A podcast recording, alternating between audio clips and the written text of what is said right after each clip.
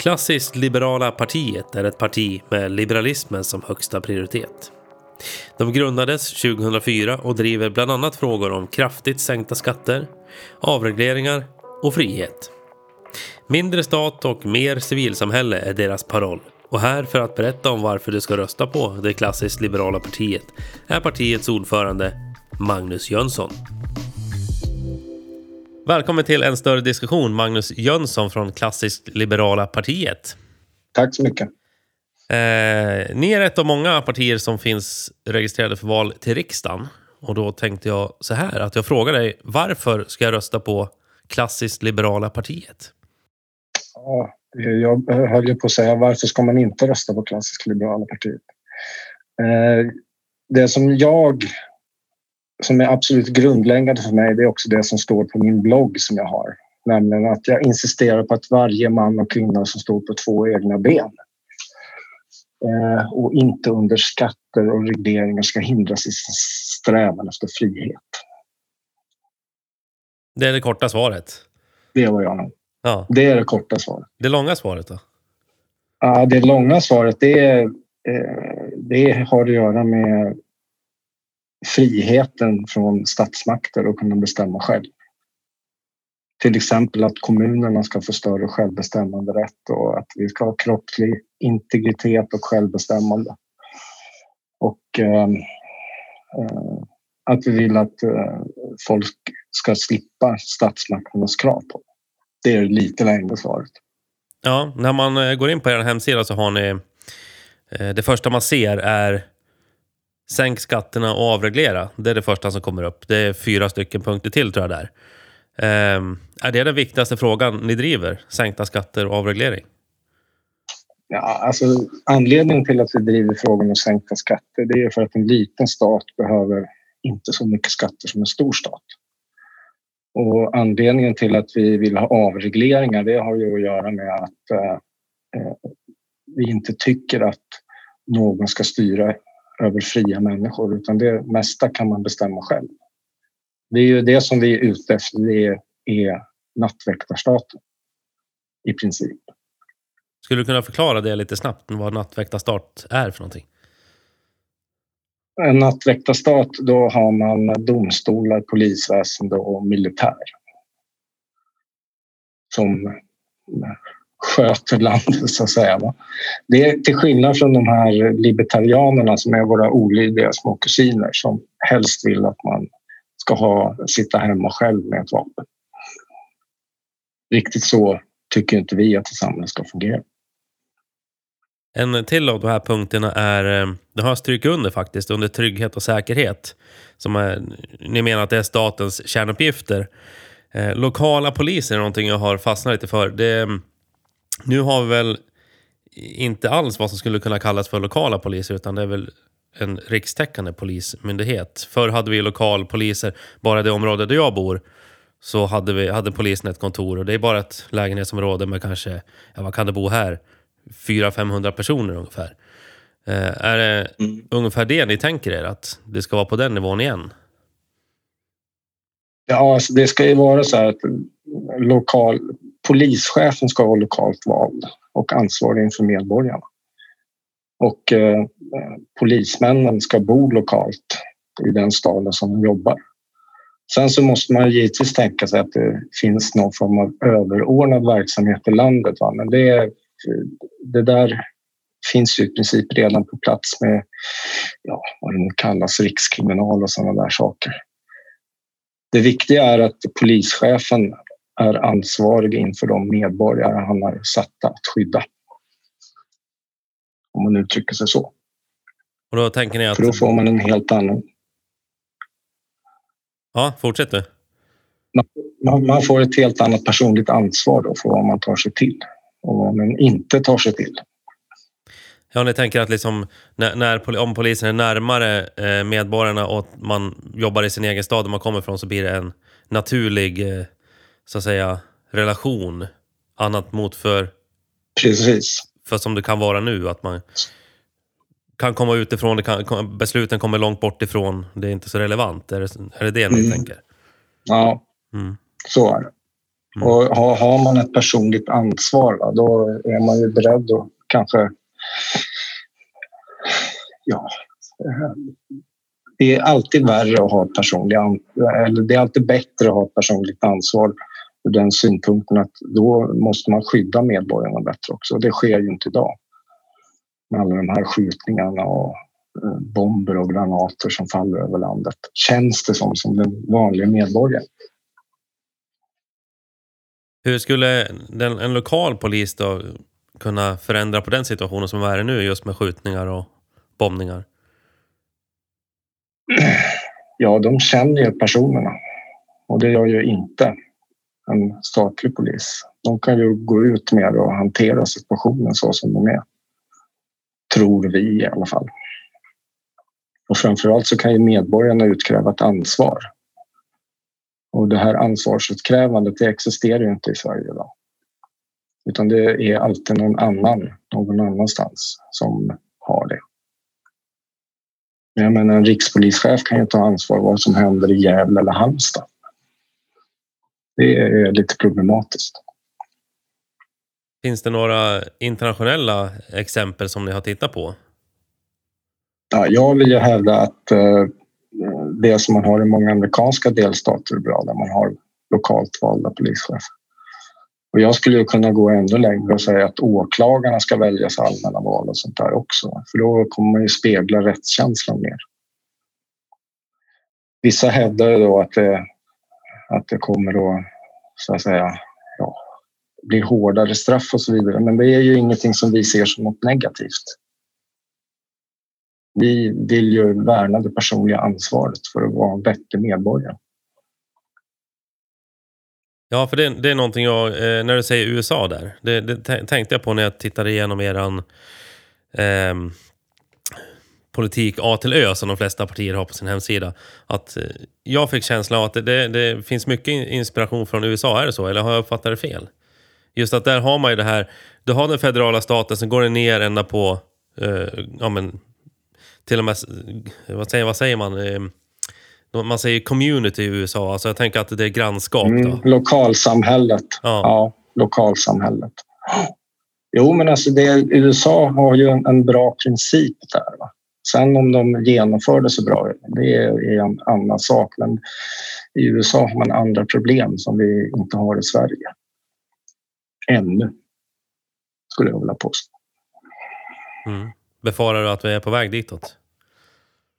Ja, alltså befarar att vi är på väg dit. Vi är ju nästan där nu. Alltså när ungdomar inte kan gå ut och gå, ut och gå på natten och så vidare utan att riskera att bli nedskjutna utanför McDonalds och sådär som har inträffat i Sverige. Eller de kastar in handgranater i, i eh, lägenheten som de har gjort i Göteborg och så vidare. Det är, eh, man, kan ju, man kan ju säga så här att Sverige är ju inte längre ett homogent samhälle och det är ett problem. Om vi uttrycker det så. Mm. Eh, skulle ni vilja att man går tillbaka då, så att säga, om man får använda det uttrycket, alltså snurra tillbaka skivan lite grann eh, till att vi ska vara ett mer homogent samhälle? Ja, alltså det är i alla fall en, en, ett sätt att lösa problemet som jag tror på. Hur ska man göra för att komma dit då? Det finns ju en massa olika sätt att försöka komma dit, men något som jag eh, brukar diskutera det är ju repatriering av eh, människor som bor här i Sverige. På min blogg brukar jag använda begreppet notorisk integrationsresistenta människor. Och frågan, frågan är om notoriskt integrationsresistenta människor bör vara kvar i landet. Det låter ju som, visserligen som en hård politik men någonstans har det ju gått fel. Och frågan är ju om vilka, hur, vilka lösningar man ska lägga fram för att, att försöka få ordning på situationen. Det verkar inte gå bra med, integra, med att integrera människor. Det är en sak som är säker. Och jag tror inte att staten eller eh, regioner eller kommuner kan ta på sig det ansvaret utan det måste komma underifrån från människorna själva.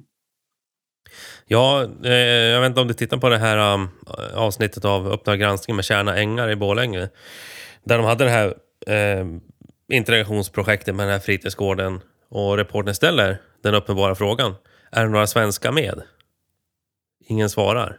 Det är ofta det, det är ofta ett problem med sådana där integrationsprojekt att det är inga etniska svenskar med.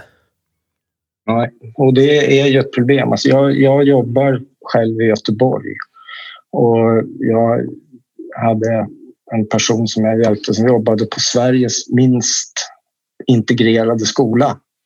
Och den här personen påstod att av 600 elever så var två etniska svenskar. Och det är ju liksom, eh, då förstår man problematiken lite grann. När man, och jag har råkat ut för barn alltså, som inte kan eh, riktigt skilja mellan begreppet bra och dåligt när man sitter och frågar om vad är bättre och vad är sämre. Och sånt där. Och, ja. Det är alltså språkkunskap menar du rent krasst? Ja, språkkunskap, språkkunskap är barn som är uppfödda, som är födda i Sverige av utländska föräldrar som inte har talat någon, något, någon svenska kanske förrän de börjar i skolan. Och det är ju klart att det är problematiskt med en sån utveckling i, i, i landet. Och det är ju det som bidrar till problemet, eller problematiken. Ja, och skolan är ju en het potatis. Det har ju varit det ganska länge egentligen. Och diskussionen står ju i den offentliga debatten just nu om privata kontra offentliga alternativ. Eh, på er hemsida, där på startsidan, då har ni en rad som lyder “Staten ska inte uppfostra dina barn”. Det är ett tydligt ideologiskt ställningstagande. Eh, vad, mm, vad är problemet med svenska skolan, skulle du säga? Ja, alltså problemet med svenska skolan är att den sysslar med mycket annat än kunskaper. Den sysslar med uppfostran av barnen. Och eh, det kan inte en skola göra, utan det är föräldrarnas ansvar att göra det. Sen finns det en massa andra problem. Man talar om det här med, med friskolor och så vidare. Problemet med friskolan är ju att de fortfarande har en statlig kursplan att ta hänsyn till. Och problemet med friskolorna, många friskolor, det är att de drivs av stora eh, riskkapitalister som kan plocka ut mycket stora vinster på våra skattepengar.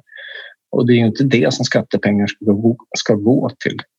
Utan då är det ju bättre att föräldrarna slipper betala en massa skatt, eh, får behålla skolpengen och få använda den efter eget huvud. Utbildade lärare har vi ju, så det är ju bara att anställa dem till att, att lära barnen om alla svenska konungar och fältslag och matematik och svenska och sånt där inte hålla på med en massa indoktrinering om eh, genusteorier och sånt där tjafs som de håller på med idag. Ja. Eh, inte... Ja, nej, fortsätt. Nej, för att inte tala om det här med den så kallade betygsinflationen som pågår. Eh, och det är ju ett allvarligt problem, alltså att, att uh, du kan välja skola för att få bra betyg och att föräldrarna kan påverka betygssättningen som de gör idag. Det är ju inte liksom, så kan ju inte ett system fungera. För då mäter man inte kunskap utan då mäter man ju föräldrarnas engagemang snarare. Och det är ju inte det som är meningen. Det blir korrumperat hela systemet och det är därför som man ska ha tillåta hemundervisning istället. Ja, precis. Det skriver ni också där att ni hel privata alternativ och hemundervisning. Det är ju en eh, jag tänker, det blir ju vilda debatter bara man nämner friskola i, i Sverige. Det behöver inte vara i politiska sammanhang, det kan vara eh, i vilka sammanhang som helst. För det är en, eh, ja, det är en het fråga helt enkelt. Hur, är ni beredda att ta den striden, tänker jag, som ni kommer behöva ta? Vi säger att ni skulle, om vi säger det scenario att ni skulle ligga så pass nära att ni kanske kommer in i riksdagen, då måste ni ta de här striderna. Är ni beredda att ta den enorma ideologiska striden det faktiskt innebär då? Att, för, för till exempel de här frågorna med Eh, hemskolning och helt privata alternativ? Ja, ju... ja, ja, ja. Alltså, ja, att det kommer att bli ett, för att uttrycka sig omilt, ett jävla liv. Det är ju självklart. Alltså, det är många som är beroende av det här, ska man säga, skolindustriella komplexet. Problemet som politikerna har, eller det är inte ett problem för dem, men saken är ju den att de sitter och fattar en massa beslut som politiker och sen så går de in i de här skolkoncernerna och tjänar pengar på besluten. Och det är ju sådana saker som man också måste eh, försöka få ut till väljarna hur det fungerar, systemet. Det, var, det är ju inte det som deras skattepengar kan gå till. Då är det väl bättre att få, människorna får behålla sina skattepengar och bestämma över dem själv. Det är en jätteviktig ideologisk fråga. Och framför allt är det en viktig ideologisk fråga för att vi ska få individer som kan tänka och agera själv, som inte är marinerade i det här socialistiska tänkandet som det är nu. Ja, det är ett problem anser ni att det, det finns en ideologisk grundsyn, alltså en socialistisk ideologisk grundsyn i skolan?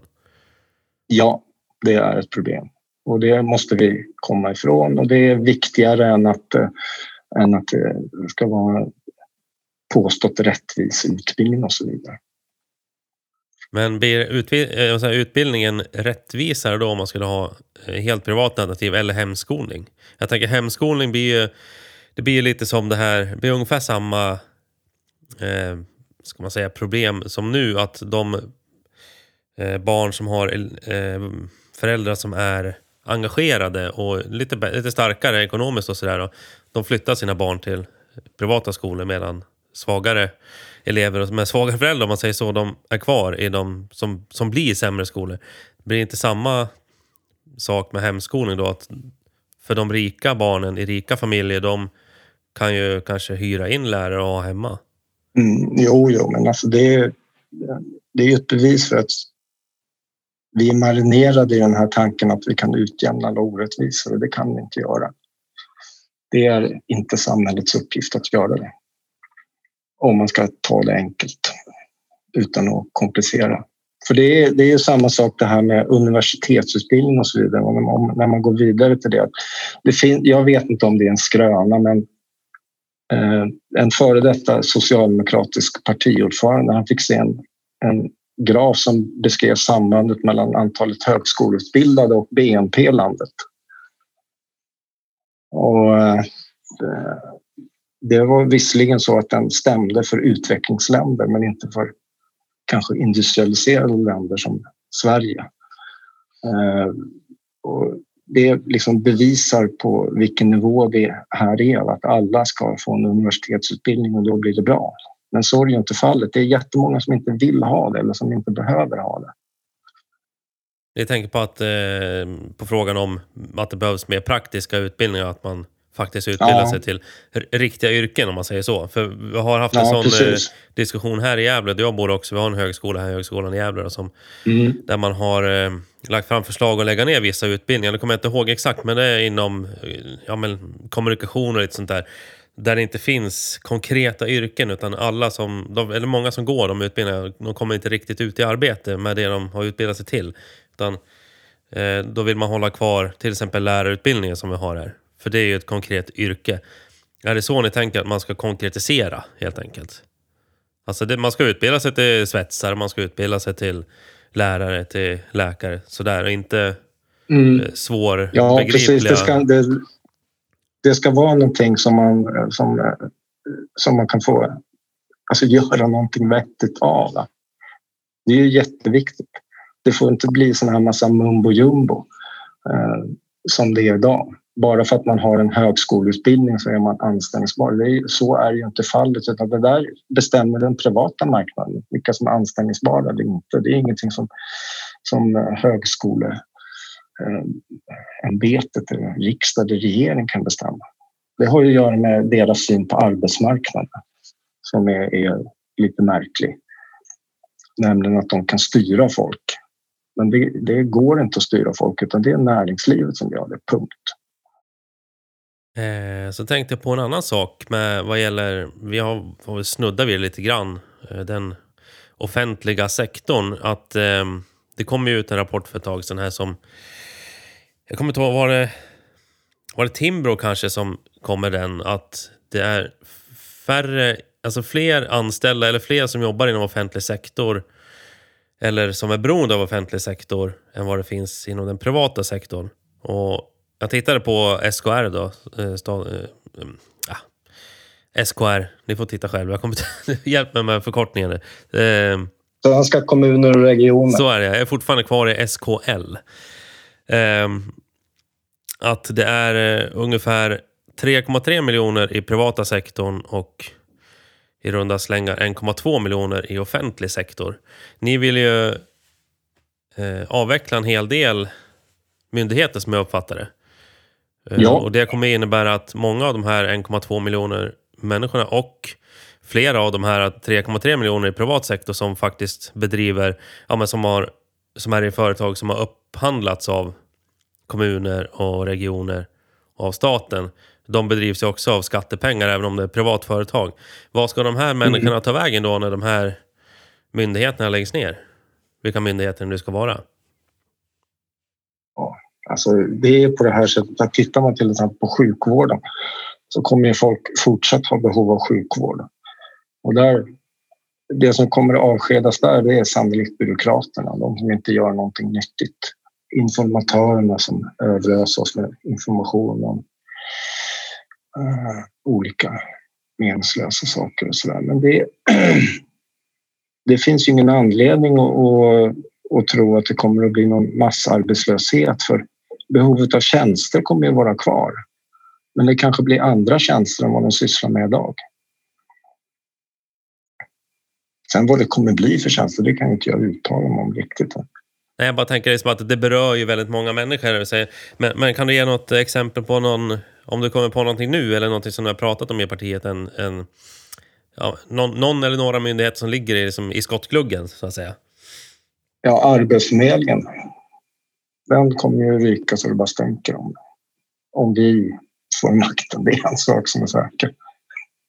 Och eh, eh, Migrationsverket, det kommer nog att eh, eh med all sannolikhet att ryka också. Systembolaget, det är väl kanske inte en myndighet direkt utan ett, ett eh, statligt företag, men det kommer ju inte finnas kvar.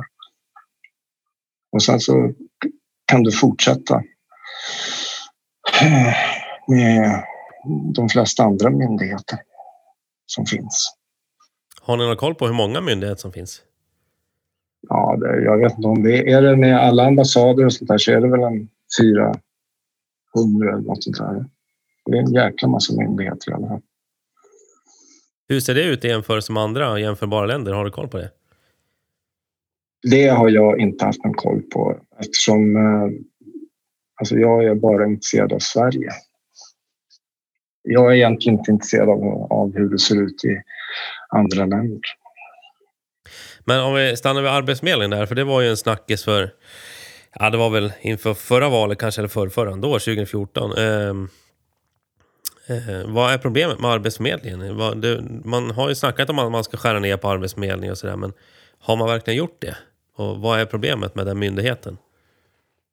Alltså problemet med Arbetsförmedlingen det är ju att den verkar mest syssla med att administrera, inte att ge folk jobb. Jag får ge Arbetsförmedlingen cred för att de har en bra hemsida där man kan se jobb som finns. Men jag har till exempel aldrig fått ett jobb genom Arbetsförmedlingen utan bara genom eh, eh, egna kontakter och så vidare. Och jag tror nog att många delar min känsla av att eh, de mest sitter och, administrerar arbetslösheten istället för att göra någonting åt den. Och då är ju frågan vad vi ska ha en sån myndighet till. Ja, eh, Jobbsökarkurser.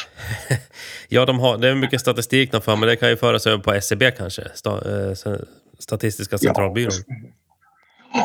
Ja, det- och sen det här med, alltså det är också en sak att om, om man inte har en massa bidrag, då behöver ju inte folk sitta och administrera bidragen. Det, det, är liksom, det är synergieffekter som man talar om.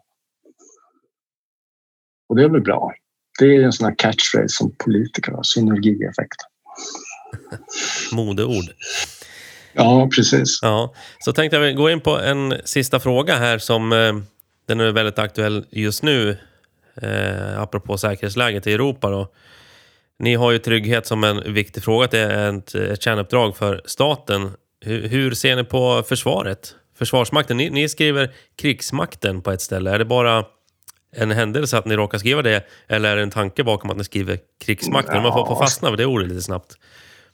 Ja, krigsmakten, det är det vad det gäller. Och då, som jag bor ju i en, i en garnisonsstad som det heter med LV6. och hör när de skjuter och pangar. Det är, det är det som det är frågan om. Och man kanske borde kalla det för krigsmakten istället för försvarsmakten för det är ju själva syftet med verksamheten.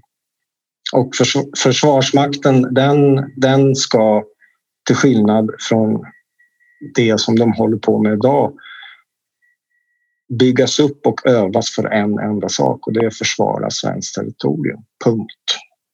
Och vi ska inte ha några äventyr med mat och andra saker. För det, kan, det får andra länder gärna syssla med och skicka iväg sina unga människor och slakta spärrensfält. Men det är ingenting som klassiska liberala partiet vill utan vi vill att de ska försvara Sverige.